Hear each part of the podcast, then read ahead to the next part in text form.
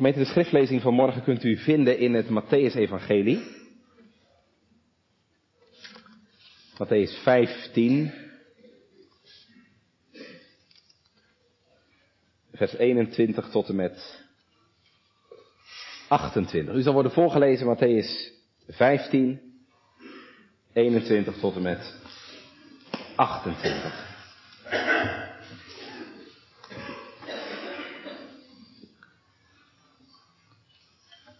En Jezus vandaar gaande vertrok naar de delen van Tyrus en Sidon. En ziet een Canaanese vrouw uit die landpalen komende, en riep tot hem, zeggende, Heere, gij zonen Davids, ontferm u mijner. Mijn dochter is deerlijk van de duivel bezeten. Doch hij antwoordde haar niet één woord. En zijn discipelen tot hem komende baden hem, zeggende, Laat haar van u, want ze roept ons na. Maar hij antwoordende zeide, ik ben niet gezonden dan tot de verloren schapen van het huis Israëls. En zij kwam en aanbad hem, zeggende, Heere, help mij. Doch hij antwoordde en zeide, het is niet betamelijk het brood der kinderen te nemen en de hondekens voor te werpen. En zij zeiden, ja, heren, doch de hondekens eten ook van de brokjes die er vallen van de tafel van hun heren. Toen antwoordde Jezus en zeide tot haar, O vrouw, groot is uw geloof, u geschieden gelijk gij wilt. En haar dochter werd gezond van diezelfde uren. Gemeente leert nood bidden. We hadden het vorige week op catechisatie over het gebed. En we hadden het over de stelling nood leert bidden. De meeste jongeren waren het ermee eens. Nood leert bidden. Misschien niet altijd, maar soms wel. In de geschiedenis van vanmorgen gemeente in elk geval wel. De nood van de Canaanese vrouw doet haar roepen tot Jezus. En gemeente, we zien vanmorgen niet alleen maar nood leert bidden. We zullen vanmorgen ook zien, nood breekt wet. Nood breekt wet. Want ondanks dat de Heer Jezus deze vrouw niet antwoordt. En het lijkt alsof hij haar niet helpen wil. Trekt zij zich daar helemaal niets van aan. En houdt ze net zo lang aan totdat Jezus haar geeft waar ze om vraagt. Ik wil vanmorgen met u stilstaan bij de geschiedenis van de Canaanese vrouw. En gemeente, let er dan op, dat is geen verhaal van lang geleden. Maar dat is een verhaal voor u en mij. Want wat deze vrouw deed, gemeente, dat moeten wij allemaal leren. Jij, u en ik. Om met je nood te komen tot Jezus. Of dat nou voor jezelf is, je eigen nood. Of voor je kinderen, voor anderen. Of voor wie ook maar de hulp van de Heer Jezus nodig heeft. Wij moeten dat ook leren. We schrijven gemeente boven de preek, dat is het thema van morgen, komen tot Jezus. Komen tot Jezus. En ik heb vanmorgen vier gedachten. We letten in de eerste plaats op de belemmering bij dat komen. Dat gaat niet zomaar. Zien we vanmorgen. De belemmering bij dat komen. We letten in de tweede plaats op de volharding in dat komen. Deze vrouw houdt aan bij Jezus. We letten in de derde plaats op het geloof in dat komen. En tenslotte staan we stil bij de mogelijkheid van dat komen. Hoe kan het? Dat deze vrouw, een heiden, hoe kan het dat wij, zondaren, tot de Heer Jezus kunnen komen? Nou, daar wil ik mee eindigen, de preek. De mogelijkheid van het komen. Het komen tot Jezus, de belemmering bij dat komen, de volharding in dat komen, het geloof in dat komen en tenslotte de mogelijkheid van dat komen.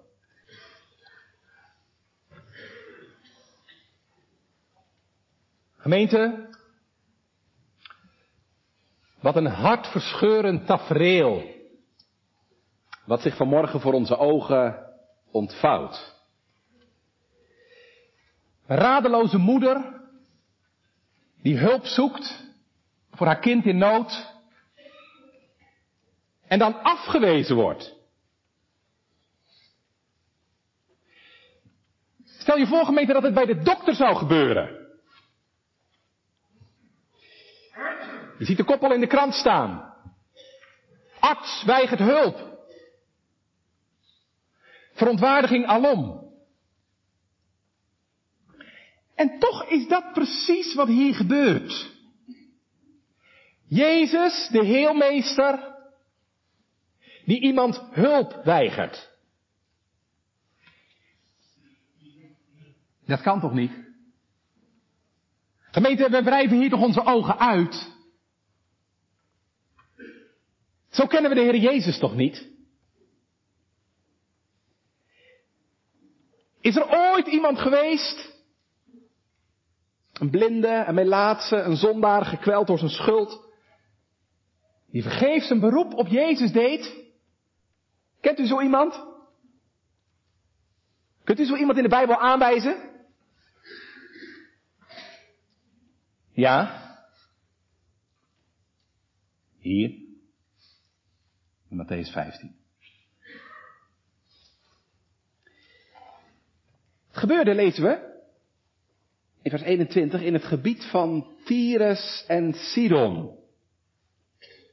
Tyrus en Sidon, dat is het gebied boven Israël, ten noorden van Israël.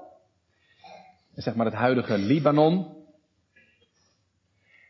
Heidens gebied. Het land van Izebel. Nou, dan weet je wel genoeg. Toch? Je vraagt je af, wat heeft Jezus daar nou te zoeken? Nou, rust.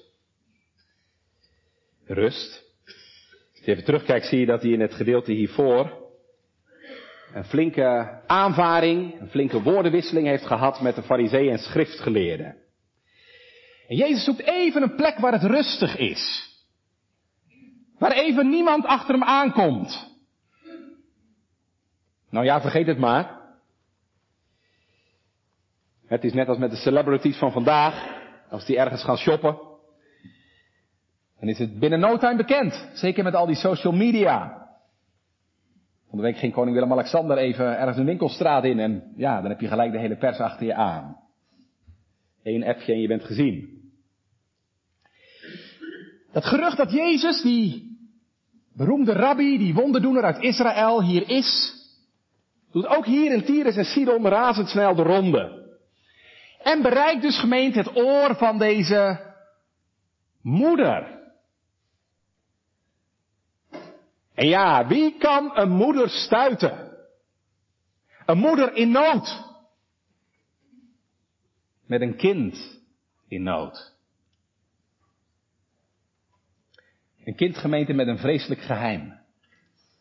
Want we lezen dat dit meisje bezeten is met een boze geest.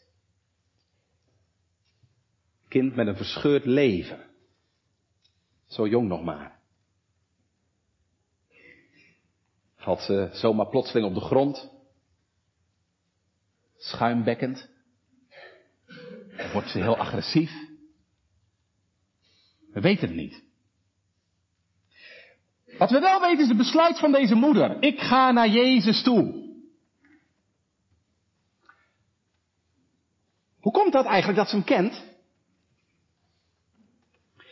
Ja, waarschijnlijk heeft ze al eerder gehoord over Jezus. Het is niet zo ver bij de grens vandaan van Galilea. Het gerucht van Jezus was ook de grens al overgegaan. En je ziet ook dat ze goed op de hoogte is van wie hij is. Hè? Niet zomaar een rabbi, maar ze noemt hem, hè? Vers 22. Heren, ga je zonen Davids. Zoon van David, de messiaanse titel. Ze heeft het woord over Jezus gehoord en geloofd. En daarom komt ze. Om hulp. Heb u dat ook al gedaan? Bent u ook al gekomen? U heeft toch ook het woord over Jezus gehoord?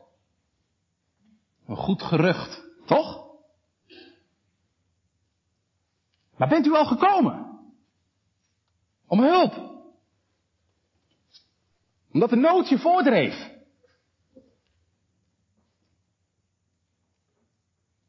Of ben je vanmorgen nog niet gekomen? Waarom komen eigenlijk zoveel mensen die wel over Jezus horen niet tot Hem?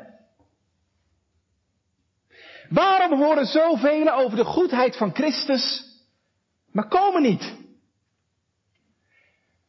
Waarom kunnen zoveel, ook in Arnhemuiden, het zonder Christus stellen? Weet je wat Maarten Luther zegt? Er is geen nood. En ja, gemeente, al hoor je dan nog zoveel over de goedheid van Christus. Ja, u weet het, die gezond zijn hebben de medicijnmeester niet nodig. Maar gemeente, is het dan geen nood?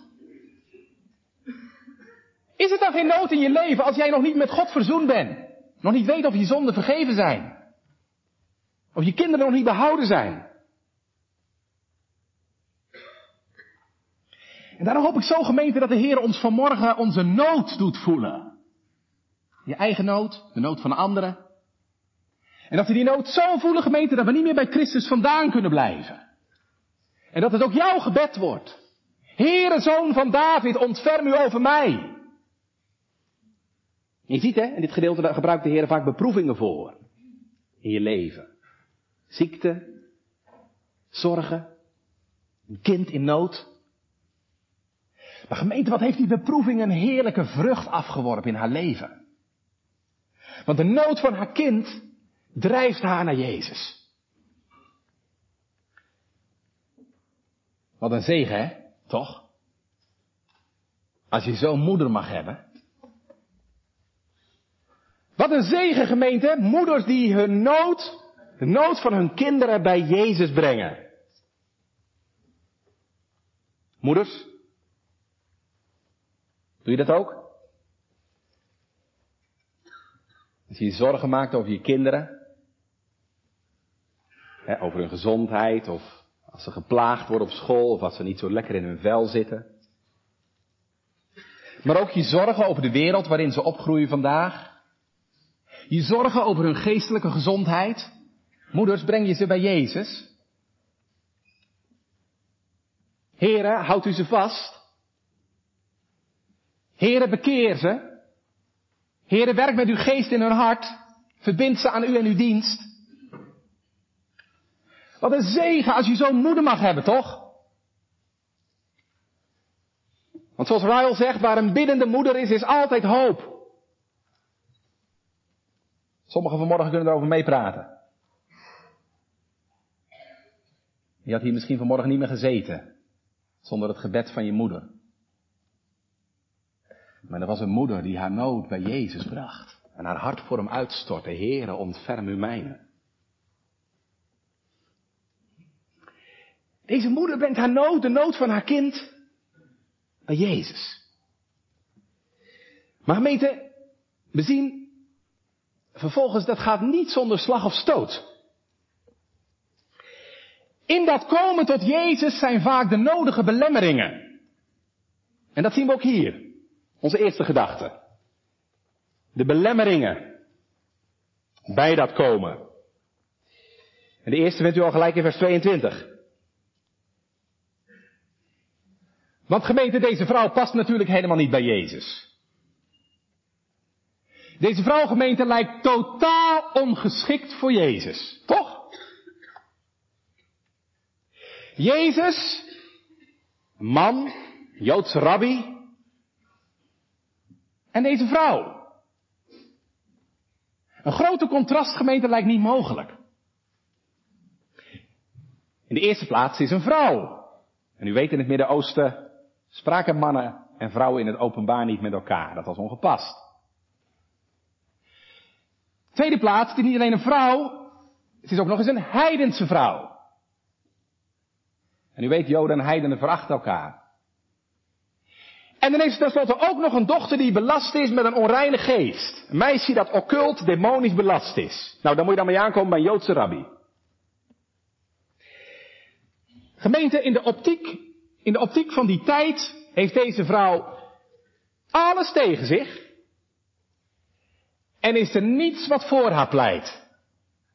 Niets om zich bij de Heren aan te bevelen. Deze vrouwgemeente is werkelijk ongeschikt om tot Jezus te komen.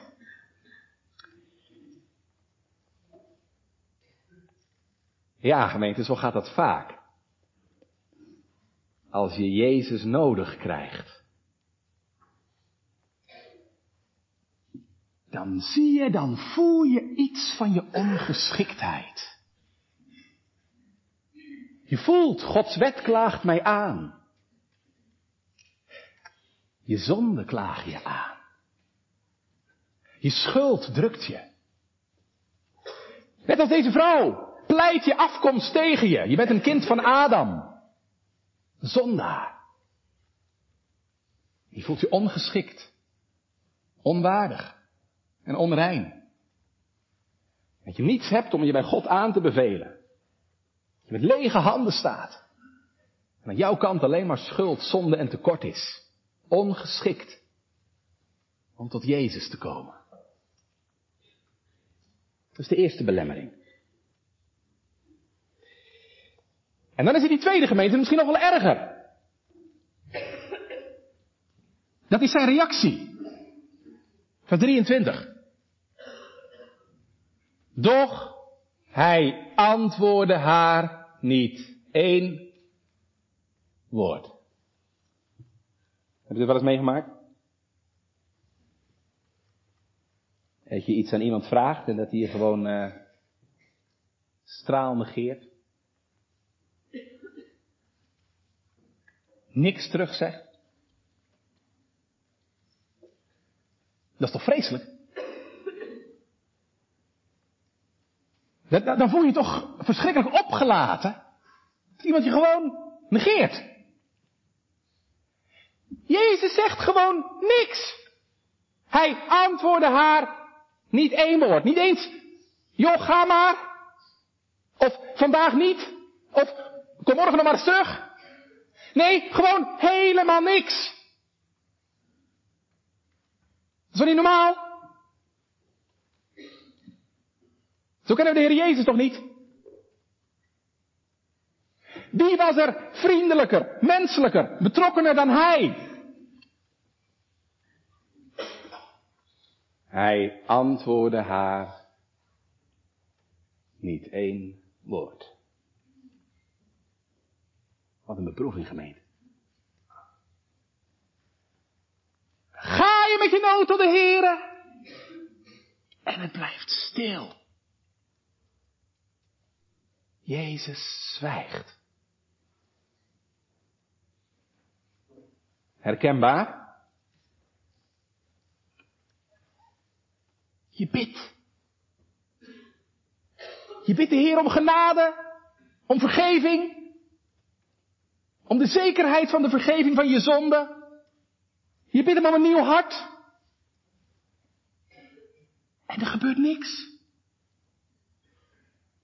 Jezus zwijgt.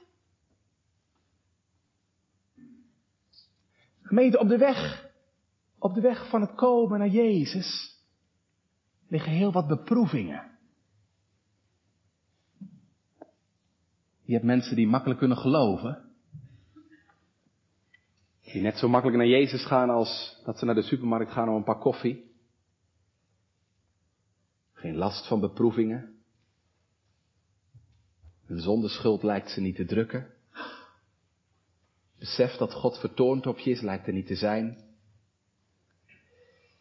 Maar u ziet hier, bij een waar geloof liggen er vaak veel beproevingen op de weg. En dit is er één van. Als je bij de Heer roept om hulp, om genade, om vergeving, word je niet altijd gelijk gehoord. Gods belofte is wel, bid en u zal gegeven worden, zoekt en gij zult vinden, klopt en er zal voor u open gedaan worden. Maar Gods horloge loopt vaak wel anders dan dat van jou en mij. Kan dat een beproeving zijn in je leven? Je bidt en je roept. de hemel lijkt wel van koper. Gesloten. En jij gaat maar gebukt onder je nood. En de Heer zwijgt. En als hij dan uiteindelijk wat tegen haar zegt, gemeente wijst hij eraf.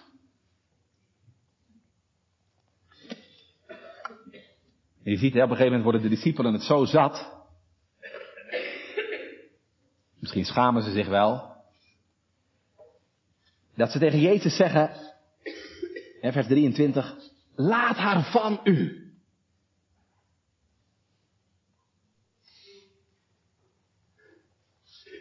Dat kan betekenen, stuur er alsjeblieft weg, heren.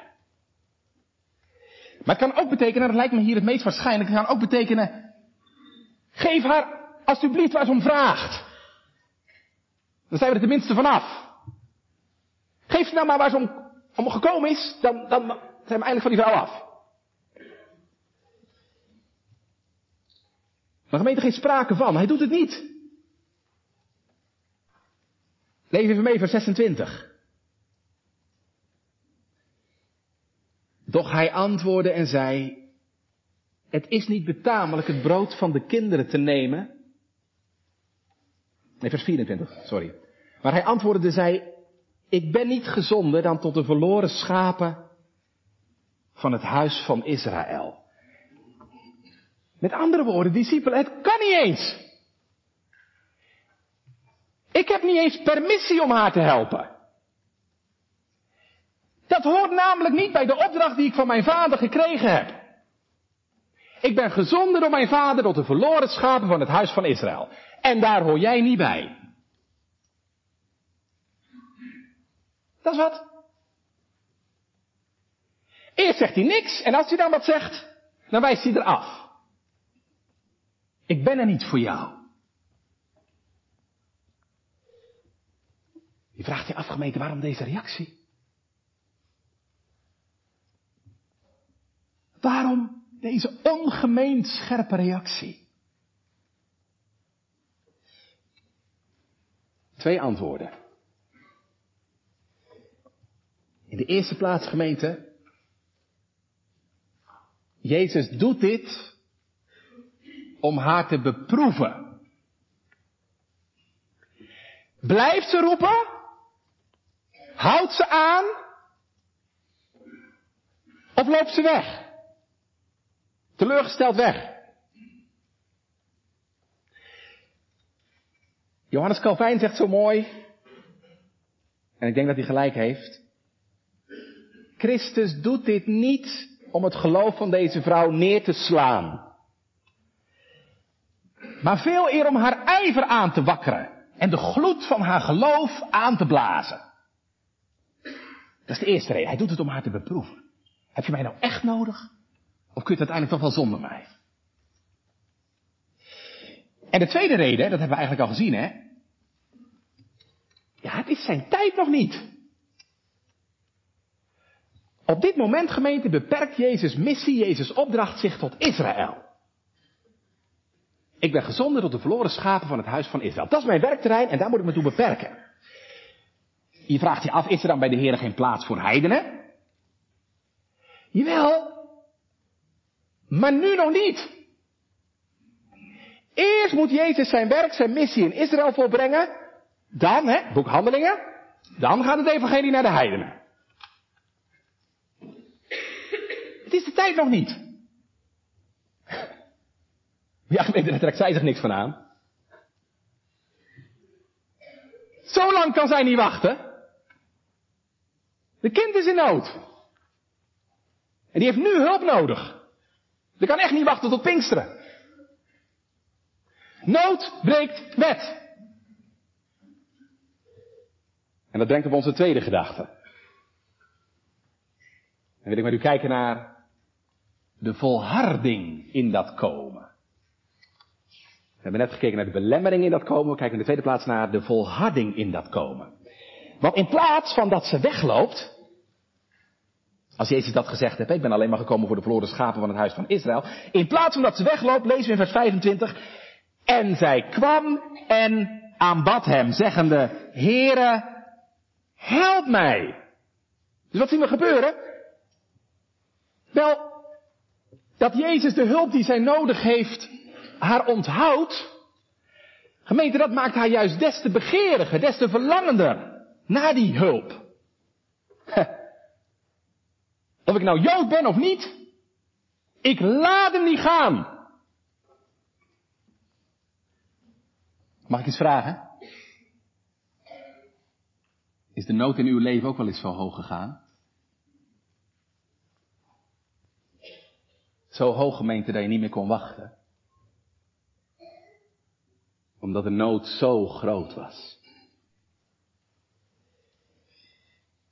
Lieve gemeente, laat ik dit zeggen, als het je echt om God te doen is, om zijn hulp en heil en genade, dan komt er een moment in je leven dat je door niets en niemand meer laat tegenhouden. Dat je met Jacob uitroept, ik laat u niet gaan, tenzij dat gij mij zegent. Niet meer door je zonde, niet meer door je onwaardigheid, niet meer door de mensen, dat je door niets en niemand meer laat tegenhouden. Verloren ben ik toch al. dan kan ik beter aan de voeten van Jezus verloren gaan, dan bij hem weg te blijven. Zijn er vanmorgen in Arnhemuiden mensen die door Jezus geholpen moeten worden? Die zo goed weten dat ze zichzelf niet kunnen helpen. Maar dat Hij eraan te pas moet komen. Dat Hij het moet doen in je leven. Nou, doe dan maar wat zij deed. Ga tot Jezus. Val aan zijn voeten neer. Aanbid hem. En zeg het maar, heren, help mij.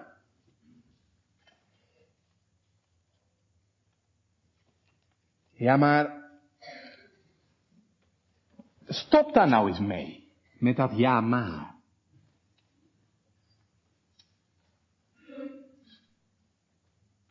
Gemeente verloren zijn we al lang. En we zijn nog veel zondiger dan we zelf denken. Ik vraag u maar één ding vanmorgen. Gelooft u dat Jezus u helpen moet? En dat Hij alleen dat kan? Als u dat gelooft, ga dan tot Hem. Job zei, al zou Hij mij doden, dan zou ik nog op Hem hopen. En Jacob zei, ik laat u niet gaan. Ho even, moet jij dat zeggen, Jacob? Heb je vader zo bedrogen? Zo'n leugenaar als jij? Lieve gemeente, dat telt allemaal niet meer. Als het echt nood is in je leven en je hebt echt Jezus nodig, dan ga je. Dan sterf je nog liever. Dan ga je nog liever verloren aan de voeten van Jezus. Dan zo verder leven als je nou leeft. Deze vrouw kan Jezus niet meer loslaten. Luther zegt, al zou hij er naar de hel gestuurd hebben, dan was ze nog blijven roepen, Heere, help me. Ja, dan kun je natuurlijk niet verloren gaan, hè? dat snap u wel. Dan kun je niet verloren gaan. Ondanks dat het niet kan en dat het niet mag, blijft het van hem verwachten. Nou gemeente, ik weet natuurlijk niet wat voor onmogelijkheden er in jou en uw leven zijn. Maar ik weet wel zeker, ze kunnen nooit groter zijn dan die van haar, denkt u wel?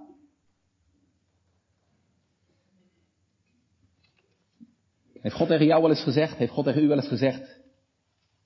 Het kan niet voor u. Het is niet voor u. Tegen haar wel. En toch houdt ze aan. En als zij ondanks die afwijzing aanhield bij Jezus, dan moet u het zeker doen. Want uw situatie is nooit erger dan die van haar. En als zij kreeg waarom ze vroeg, dan krijgt u het zeker. Dus gemeente, dat is de les die wil ik u graag meegeven vanmorgen. Wat voor onmogelijkheden er in je leven ook zijn, en hoe erg je die misschien ook belemmeren, houd aan in het zoeken van Jezus. Want op Gods tijd zal Hij u helpen. Of doe je dat nog niet? Zoek je Jezus nog niet?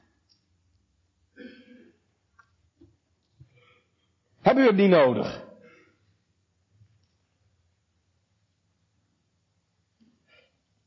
Heb je geen nood dan?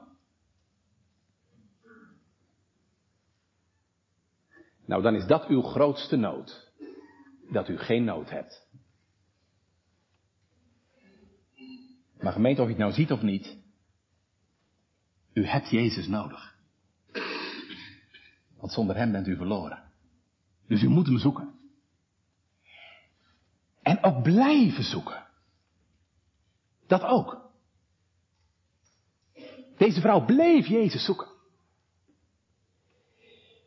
Er zijn misschien vanmorgen wel mensen die heus wel eens naar Jezus gezocht hebben. Die Jezus zochten om hulp. Of om genezing toen je ziek was. Of om vergeving bad voor je zonde. Je geweten sprak, je voelde iets van je zondeschuld. Wie heeft dat nooit eens? Je bent bang voor de dood bij een ernstige begrafenis of sterfgeval. Je bent bang voor de toekomst. En je denkt, ja, ja, ik moet zoeken. En u zocht misschien even. Even. Klopte een paar keer op die deur.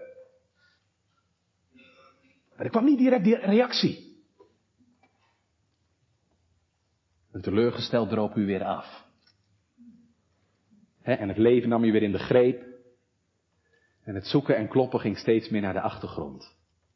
Zo zijn er duizenden. Maar gemeente, Jezus zegt, wie zoekt, zal vinden. Niet wie niet zoekt. Laat dan deze vrouw u vanmorgen aansporen om de Here weer te zoeken. Ik zei net al, Jezus heeft tegen u nog nooit gezegd wat hij tegen haar zei. Het is niet voor u. En zolang hij dat niet zegt, gemeente, moet je gewoon doorgaan met hem te zoeken. Want wie zoekt, zal vinden. Dat heeft deze vrouw ook ervaren. Maar er was nog wel een hobbel, gemeente. Want uh, alsof die eerste afwijzing niet genoeg was, kwam er ook nog een tweede. Want als ze dan roept, hè. In vers 25, Heer, help mij. Dan komt er nog een reactie van Jezus. Lees even mee, vers 26. Doch hij antwoordde en zei, het is niet betamelijk, het is niet gepast om het brood van de kinderen te nemen en de hondjes voor te werpen. Het is niet betamelijk het brood van de kinderen te nemen. Wie zijn die kinderen? Ja, dat is natuurlijk Israël.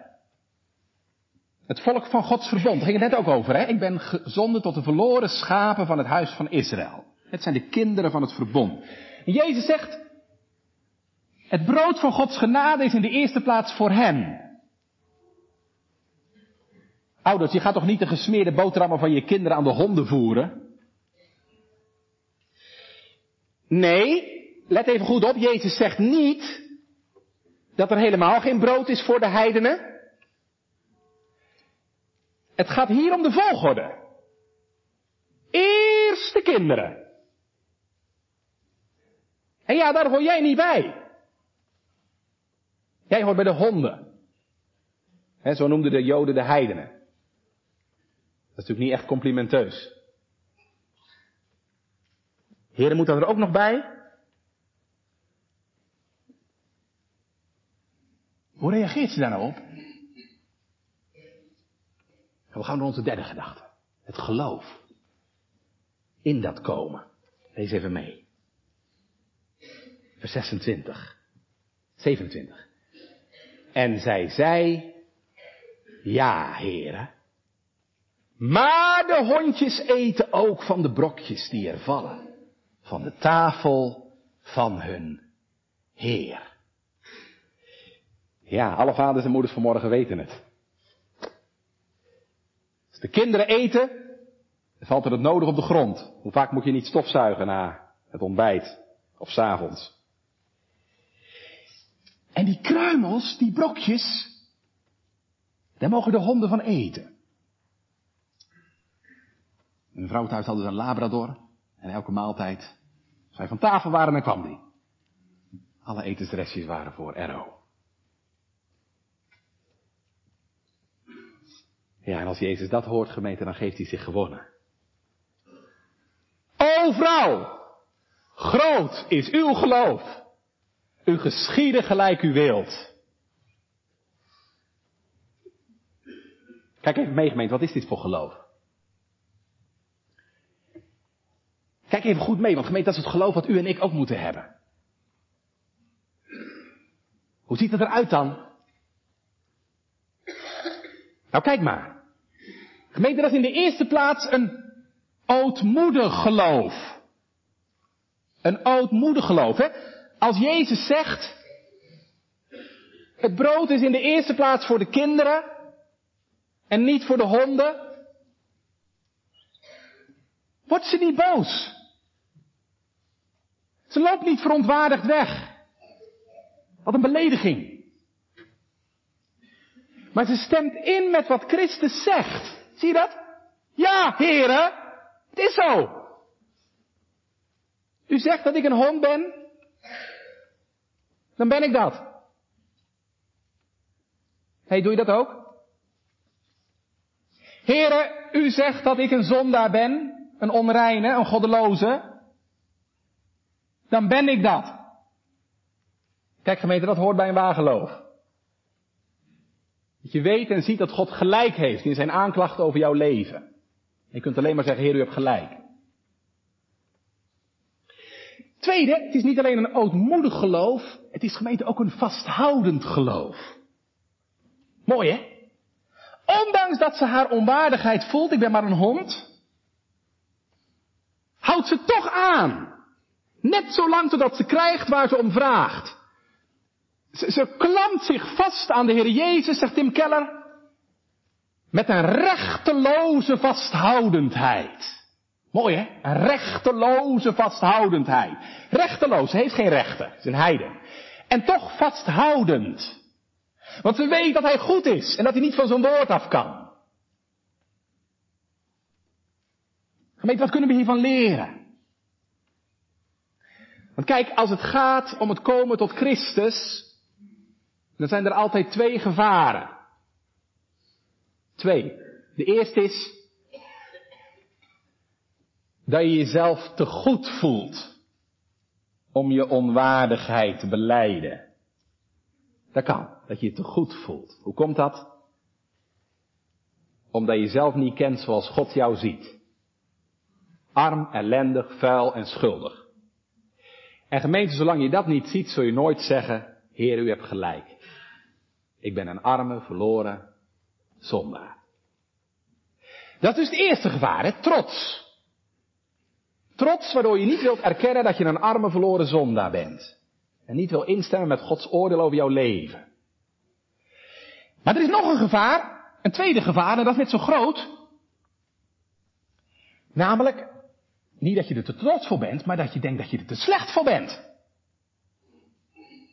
Dat je denkt, het is niet voor mij. Dat kan niet voor mij. Dat is te groot, dat ben ik niet waard. Ik ben te slecht, te zondig. En gemeente, hoe oudmoedig dat ook klinkt, ook die houding houdt duizenden mensen bij Christus vandaan. Maar natuurlijk ben je niet waard. Maar gemeente, met alleen dat te erkennen kom je geen steek verder. En weet je, dan doe je vooral de Heeren zo tekort. God die goed is voor slechte mensen. En die genade bewijst aan onwaardigen. Dus zowel mensen die zich te goed voelen, als mensen die zich onwaardig voelen, moeten allebei goed naar deze vrouw kijken. Zie je wat ze doet? Zij beleidt aan de ene kant haar onwaardigheid. Ja, heren, ik ben een hond. Tegelijkertijd klampt ze zich vast aan Christus en zijn woord. En dat is het derde wat we van dat geloof kunnen leren. Een ootmoedig geloof, een vasthoudend geloof. En tenslotte gemeente, het is een geloof dat zich richt op zijn woord. Ik hoop in al mijn klacht op zijn onfeilbaar woord. Deze vrouw gaat niet af op haar gevoel. Wat een nare man. Ze laat zich niet leiden door haar eigen gedachten. Nou ja, laat ik er maar mee stoppen, want ik ben toch maar een heide. Zij gaat alleen maar af op zijn woord. Nou, dat is moeilijk, gemeente.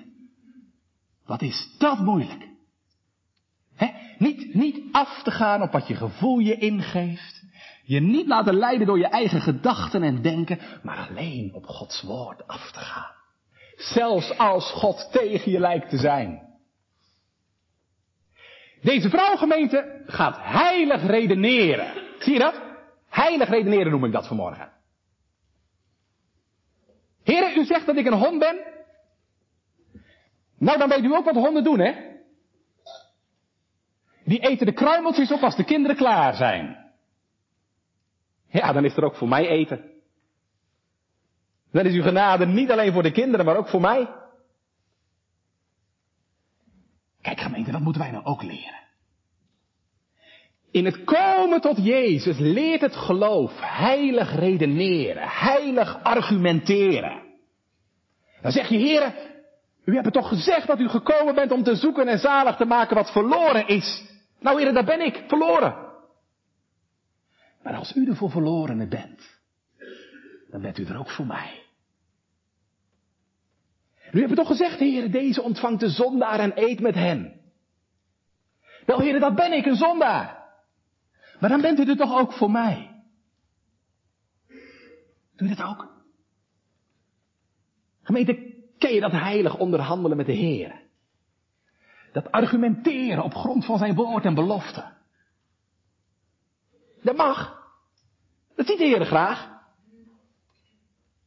Als je net als deze vrouw je voor God verootmoedigt en God gelijk geeft in, in de erkenning van je zondaar zijn en je verlorenheid, dan mag je ook aanspraak maken op zijn belofte. Dat hij voor zondaren gekomen is. Want God kan niet van zijn woord af. Dan zal de Heer zich vanwege zijn eigen woord zich over je ontfermen. Dat zie je hier. En daarin is ze niet beschaamd geworden.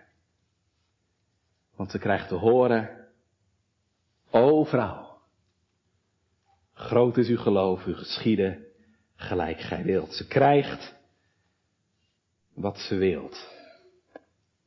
Dus, al is ze een hond, ze wordt als een kind behandeld. En lieve gemeente, is dat niet het evangelie? Is dat niet het evangelie? Honden worden als een kind behandeld en zondaren aangenomen. Hoe kan dat? Nou, dat horen we heel kort nog in onze laatste gedachte. De mogelijkheid van dat komen. Hoe kan dat? Dat honden als een kind behandeld worden en zondaren worden aangenomen. Hoe kan dat gemeente? Wel, omdat er één geweest is die precies hetzelfde heeft doorgemaakt als deze vrouw. Gemeente, waar deze vrouw hier doorheen gaat, gaat Jezus straks zelf doorheen. Wat deze vrouw hier meemaakt, maakt Jezus op Golgotha zelf mee. Hoor je me roepen? Zei ik mijn God, bij dag moog bitter klagen, gij antwoord niet. Zij ik des nachts mogen kermen. Ik heb geen rust, ook vind ik geen ontfermen. In mijn verdriet. Jezus gaat dezelfde weg. Als deze vrouw. En hij wordt afgewezen. Maar zoals zij zich door de afwijzing heen op de Heere blijft hopen, zoals zij zich door de duisternis heen geloofd heeft, zo heeft Jezus zelf het op Golgotha ook gedaan. Door de afwijzing heen. Blijven hopen op de Heere. Door de duisternis heen. Op de Heere betrouwd. En daar heeft hij zijn gezegend lichaam laten verbreken. Verkruimelen. Ja, op Golgotha wordt het brood des levens verkruimeld. Opdat wij eten mogen. Niet meer als honden, maar als kinderen. En met Abraham, Isaac en Jacob aan tafel mogen in het koninkrijk van God. Om Jezus wil. Ja, het brood is voor de kinderen. Maar op Golgotha wordt het kind buiten gezet. Zonder een kruimeltje weggestuurd van tafel. Zodat zij, die Gods kinderen niet zijn, aangenomen kunnen worden. Het kind wordt een hond. Als een hond behandeld. Zodat de honden kinderen kunnen worden. Je zegt, hoe weet je dat? Dat je kind bent. Weet je waar je dat kunt weten? Dan voel je je een hond.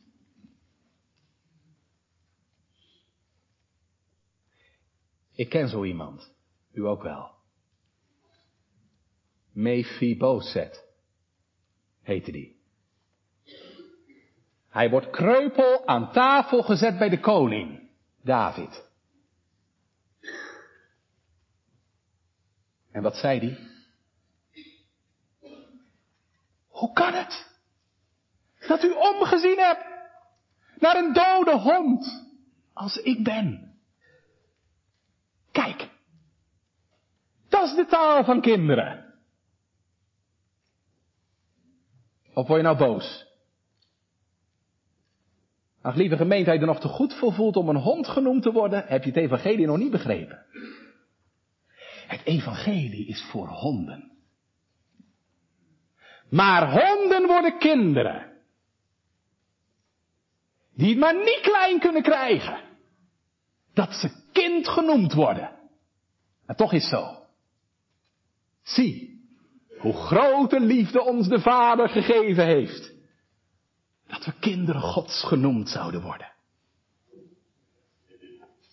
Het is zijn eer om honden tot kinderen te maken. En lieve gemeente, daarom kan het voor de grootste hond. Voor de grootste zondaar. Voor jou, voor mij en voor u. Als je maar een hond wil zijn. Hij wil. Aan armen uit gena. Zijn hulpen ter verlossing tonen. En als je daar iets van mag ervaren, gemeente. Kun je alleen nog maar zingen. Zingen. In verwondering. Wat we nou gaan doen. Gelooft zij God. Die zijn genade. Aan mij.